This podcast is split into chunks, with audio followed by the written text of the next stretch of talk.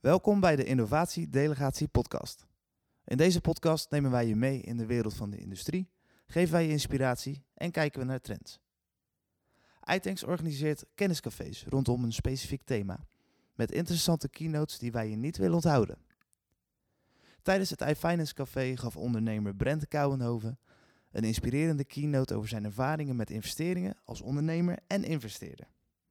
Luister nu naar zijn keynote. Ik heb het Funding Your Ambition genoemd. Uh, iedereen heeft altijd nieuwe ideeën en de vraag is van joh, hoe ga ik daarmee vooruit? En er zijn vele manieren om dat te doen. Um, en daar wil ik jullie mee uh, uh, door mijn verhaal nemen. Ehm, dit ben ik. Dit is de foto die in de quote stond. Ik vond hem dusdanig mooi. Ik denk, nou, die gebruiken we maar. Professionele fotograaf op het eiland van Brienenoord. met Rotterdam op de achtergrond. Nou, dat is ook wie ik ben. ik ben geboren in Zevenhuizen, naast Rotterdam. En eigenlijk altijd, uh, altijd Rotterdam op de achtergrond gehad.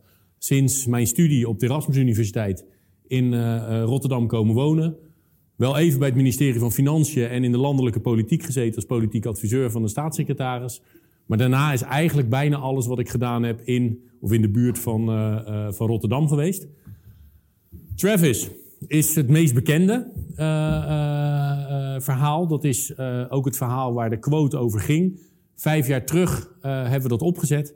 En dat was een bedrijf met een vertaalkastje. wat instant 82 talen kon vertalen van speech to speech. Um, een prachtig verhaal, waar ik zo ook nog wel wat uh, over kan zeggen.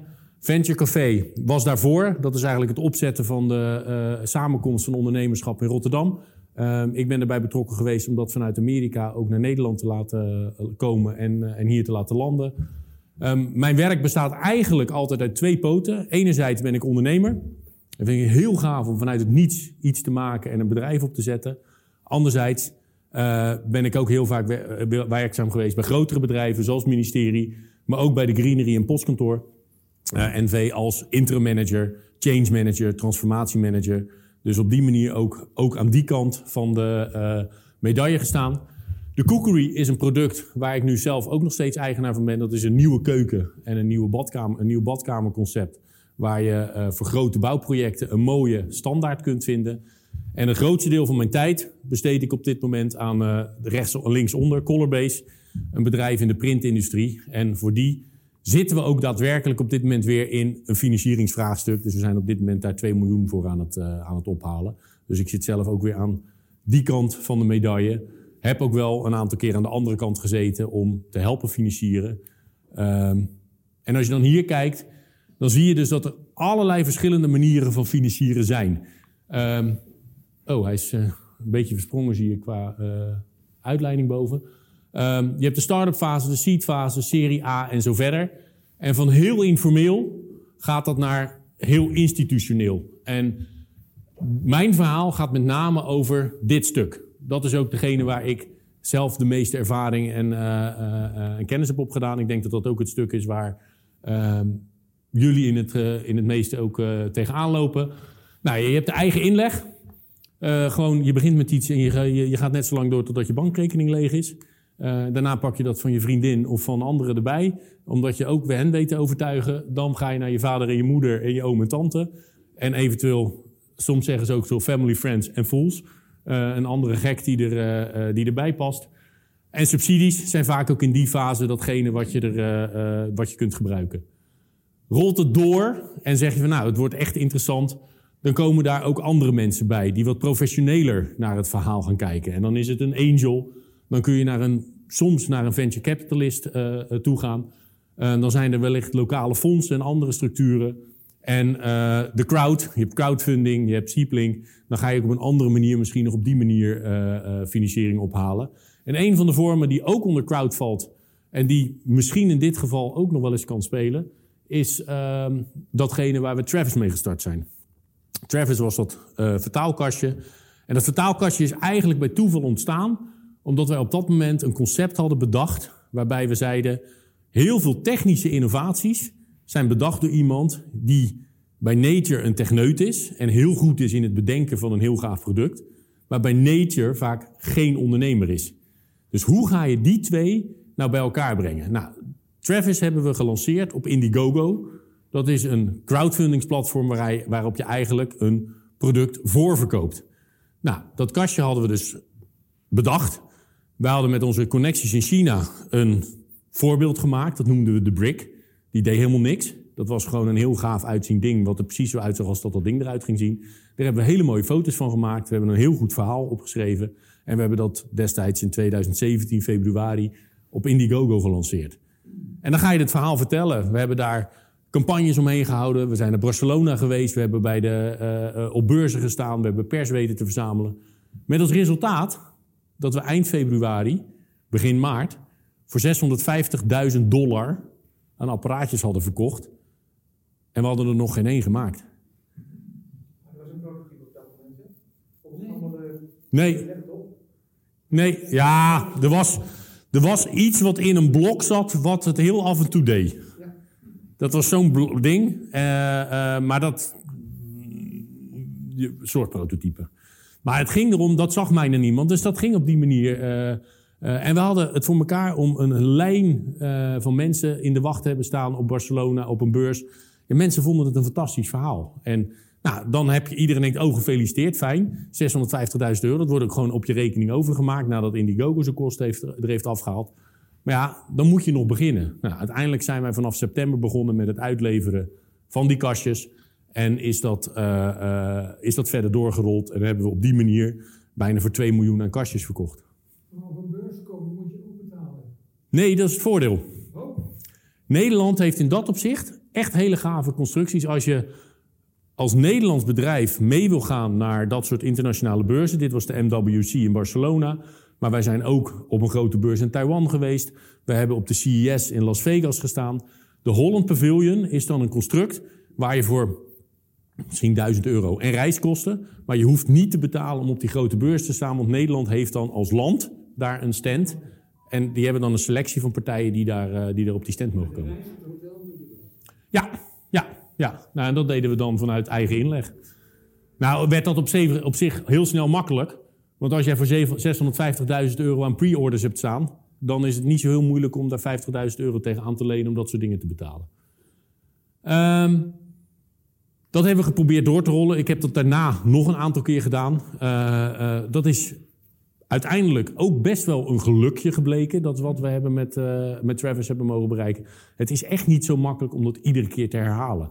Het product moet iets speciaals hebben en moet net een snaar raken waardoor dat, waardoor dat gebeurt. Uh, uh, waardoor het dus eigenlijk ja, voor mij een eenmalig succes geweest is van de zes keer dat ik iets op, op Indiegogo heb, of Kickstarter heb, heb gelanceerd.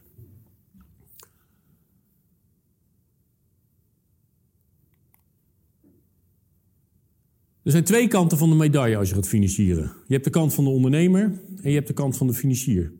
Als je naar de kant van de ondernemer kijkt, dan heb je single founder en meerdere founders. Bijna iedereen wil vaak dat er meerdere founders zijn als je gaat investeren. Dat is aan, te raden omdat een single founder, ik heb ervaren tot nu toe, een echt goede ondernemer is bijna altijd bipolair.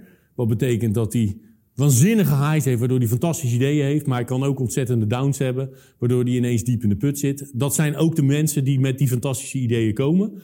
Maar om dat een beetje uit te middelen en om de golven en de dalen van de ander te compenseren, heb je graag meerdere partijen nodig of meerdere mensen die aan die, eh, aan die tafel zitten. Heeft ook lastigheid. Ik heb het zelf ervaren bij Travis. Ik heb het laatste stukje niet meegemaakt. Ik was ervan overtuigd dat we de businessmarkt op moesten en dat we met de politie, de douane, de ziekenhuizen en de artsen verder moesten.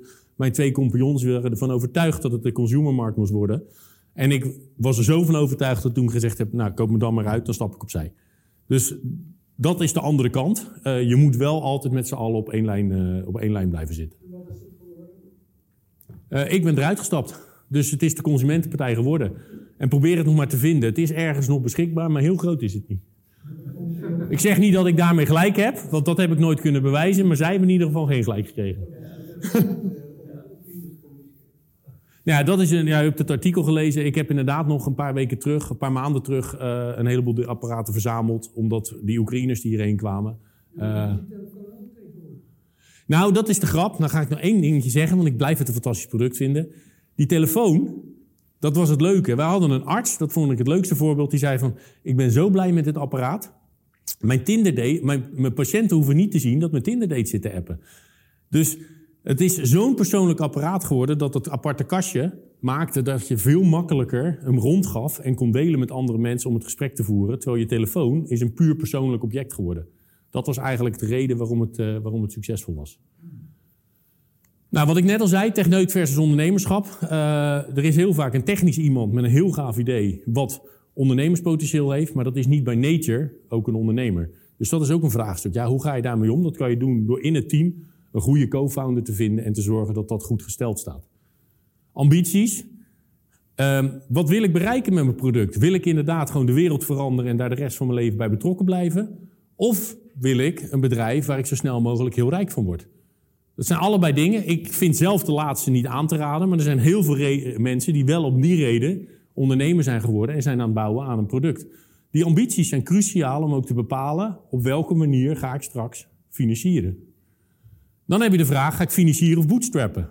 Ook gekoppeld aan die ambitie. Uh, bootstrappen is de manier van financieren waarin je eigenlijk zegt: ik ga zo klein mogelijk beginnen en stapje voor stapje groei ik uit. Ik vind zelf een van de mooiste voorbeelden van bootstrappen is Coolblue. Coolblue is echt begonnen met de eerste voorraad zelf kopen.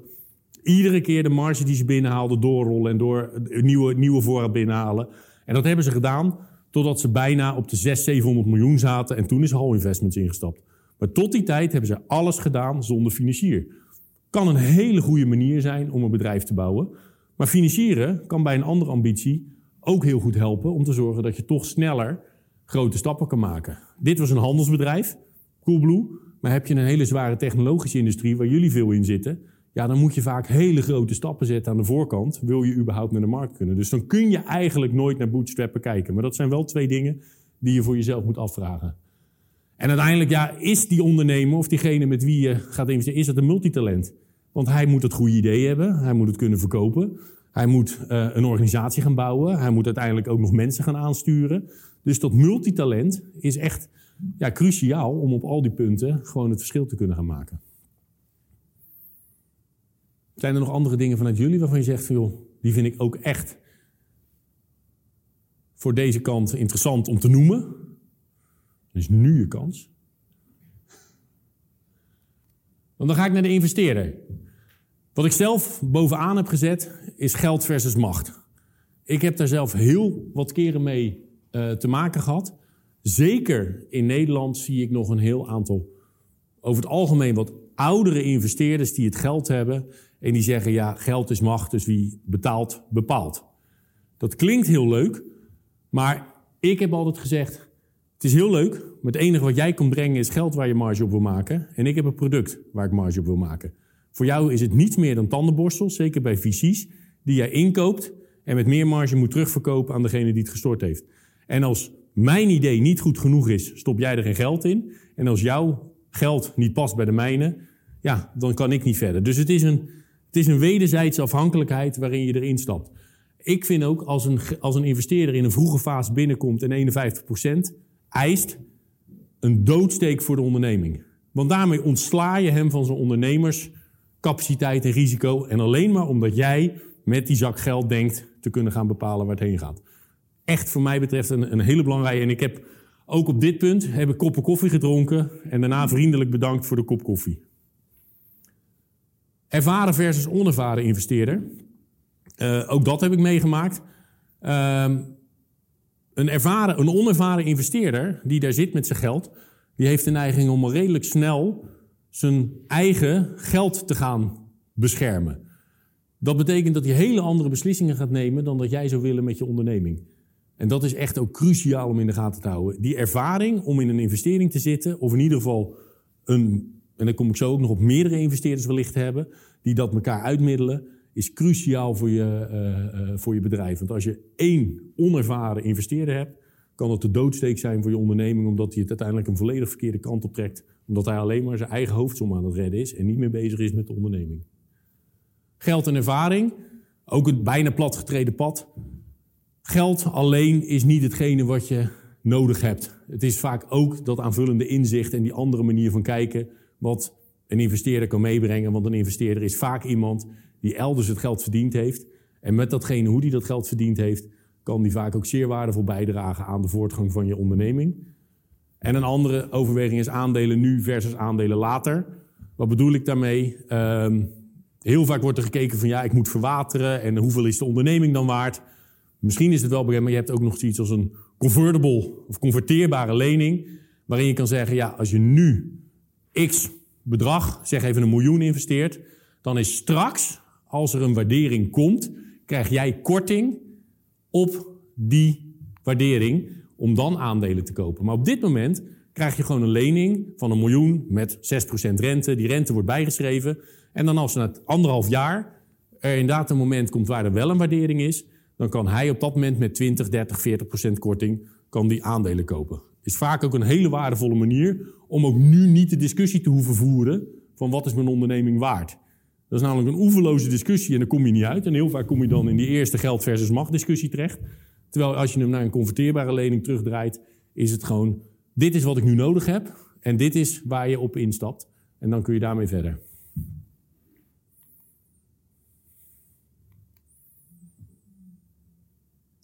Om het proces te schetsen. Komt niet te ver weg, geloof ik. Heb ik wat een verhaal uh, gemaakt. Want uh, eh, 100% sluiten doet hij niet, maar ik vind het wel leuk. Het is eigenlijk is investering zoeken als daten. Je gaat gewoon niet één gesprek, dat zou ik niet aanraden. Maar echt meerdere gesprekken aan om te kijken van, joh, wat past nou bij mij? En die gesprekken zijn als bij daten. Je gaat heel duidelijk zien wie je zelf bent, maar je moet ook heel erg kritisch zijn op wat de ander is. Want uiteindelijk moet die date groeien tot iets meer. Dus ga op die manier ook gewoon veel koppen koffie drinken en kijken of je zoveel mogelijk mensen kunt verleiden om dat gesprek aan te gaan. Er is één heel ding belangrijk. Ga ik voor lekker of leuk bij daten? Je zei net al, wat is je ambitie?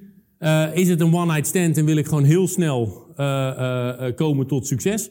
Of wil ik echt een gave partner hebben waarmee ik lange termijn samen blijf zitten?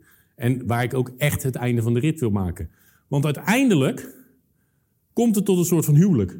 Je gaat met elkaar afspraken aan die gewoon wel zorgen dat je samen in dat bootje zit. Je zit samen in het bootje om te zorgen dat die onderneming naar een volgende fase gaat en dat je daar gezamenlijk ook een lange rit uh, gaat rijden. Maar net als bij een huwelijk, zorg wel dat je goede afspraken maakt. Want het enige verschil is dat het bijna zeker is dat dit komt tot een scheiding. Op een gegeven moment gaat er een exit of een ander moment komen waardoor je met elkaar de boel moet verdelen. En dat wordt nog complexer, want hier is polygamie wel toegestaan.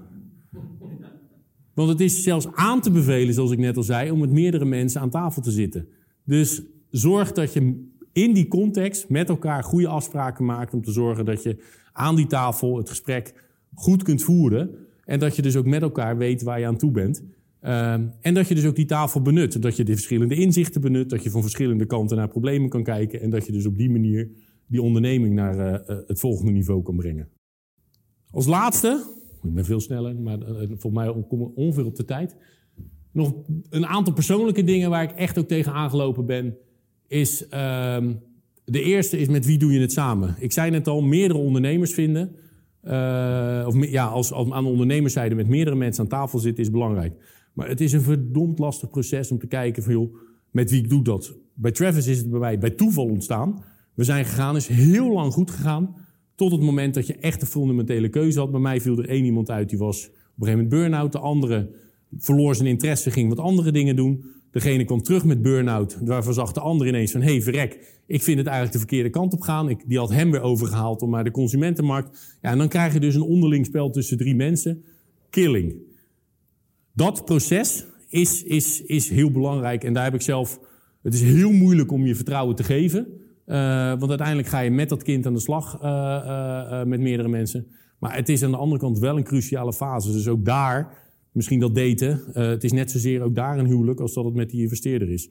Zorg dat je daar ook, ook, ook goed naar kijkt. En zelfs als jij degene bent die bedacht hebt, eerste fase voordat je gaat investeren, kijken of je co-founders weet te vinden en te zorgen dat je mensen hebt waardoor je een divers team hebt met, uh, met wie je dat samen gaat doen. Hoeveel geld en wanneer? Ja, ik zei net al, Bootstrappen is leuk, dan hou je veel aandelen, verwater je weinig, uh, maar je kan veel minder hard gaan. Uh, uh, maar hoeveel is, het dan, hoeveel is het dan waard? Hoeveel heb ik dan nodig? ik denk dat ik al wel, wel, wel 150 budgetten heb gemaakt en iedere keer heb moeten aanpassen, omdat je dan toch weer met allerlei veranderende omstandigheden of andere ambities of nieuwe verkoopprogramma's of toch dat bedrukt erbij weer een ander plan moet presenteren. Dus dat blijft echt wel een, een, vraagstuk. En de laatste heb ik ook met Travis zelf ondervonden. Uiteindelijk zei ik net, je moet nog hard zoeken waar het staat. Ik heb ook de kans we hebben de kans gehad, al heel snel om een stuk te verkopen. En uiteindelijk de Japanse partij die in het artikel wordt genoemd, die uh, het gejat heeft en het zelf is na gaan maken en daarmee verder is gegaan. Ja, daar heb ik ook mee om tafel gezeten om een deel van de onderneming te kopen. Dat was in maand 7. Dan zit je daar. Ik vloog naar Amerika, in Palo Alto zat ik bij die kerel in een fantastisch huis woonde recht tegenover Larry Page in, uh, in Palo Alto. Dus dat is niet de minste wijk.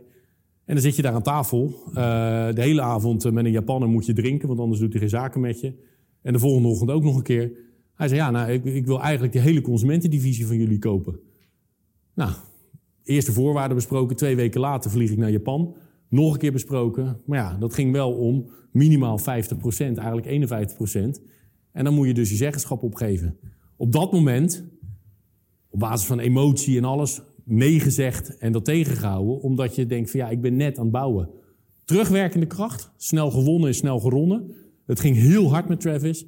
Op dat moment had ik het eigenlijk moeten doen, want dan had ik me vol kunnen focussen op die B2B.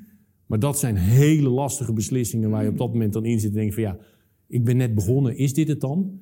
Als ik er nu 5, 6 miljoen voor kan krijgen, uh, moet ik dat dan doen? Ja, het zijn hele grote bedragen of is het dan niet groot genoeg? Dat zijn hele lastige vraagstukken. Ik heb er ook geen sluitend antwoord op, maar dat is wel waar ik. Uh, uh, waar toen ik ook zelf mee heb moeten, uh, moeten dealen. Dat was in redelijk vogelvlucht het verhaal wat ik met jullie wilde delen. volgens mij ben ik daarmee bijna nagenoeg in 20 minuten beland. Je kunt en mag me altijd bereiken op dat mailadres of dat nummer als je nog vragen hebt of andere dingen die, die je met me zou willen delen of wat dan ook. Zijn er nu eventueel nog direct vragen als daar tijd voor is? Ik heb er een. Eh, om te beginnen, eh, bedankt voor je verhaal, eh, Brent. Mag ik een applaus?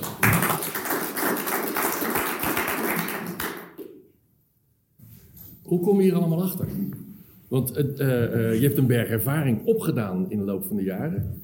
Uh, maar dit staat nu in zeven sheets, zeg maar. Hoe, ben jij hier achter gekomen? Heb je daar hulp voor gehad of heb je het empirisch bepaald, zeg maar? Beide. Je moet gewoon met je handen op je rug het zwembad induiken af en toe. Uh, wat ik zei over die prijzen of dat soort dingen is, is gewoon ervaren. Um, guts feeling. Um, zoals die gesprekken tussen geld en macht heb ik heel erg vertrouwd op van joh, als ik in zo'n gesprek zit en ik, ik heb er echt een allergie voor ontwikkeld, maar als ik ook maar enigszins het idee heb dat de andere kant van de tafel zich machtiger voelt dan mij, uh, of dan ik, uh, in dat gesprek, dan, dan, dan, dan bedank ik voor de koffie. Ja. Uh, daar heb ik echt geen zin in. die gelijkwaardigheid vind ik, vind ik daarin cruciaal. Ehm, ja, andere dingen is ook op je bek gaan. En ik heb het geluk dat ik ook al voordat ik weer ging ondernemen in een andere kom, ook met financiering ben bezig geweest. Dus daar zaten ook weer ervaren mensen die, die die ik kon bellen, uh, uh, die ik naast me heb gehad, waar ik uh, heel veel avondjes mee gegeten heb en, en dat soort zaken. Om op die manier toch ook maar ja, een stukje van wat ik hier nu vertel vanuit hun mond te kunnen horen. Abonneer je op deze Innovatie Delegatie podcast en laat je regelmatig inspireren met pakkende verhalen uit de Nederlandse industrie. Laat je ook inspireren door de iAsk app. Stel hierin je vragen en vind de oplossingen en events uit het iTanks netwerk. Meer weten over deze innovatie? Ga naar de website itanks.eu slash isolutionsguide en vind meer informatie over deze innovatie.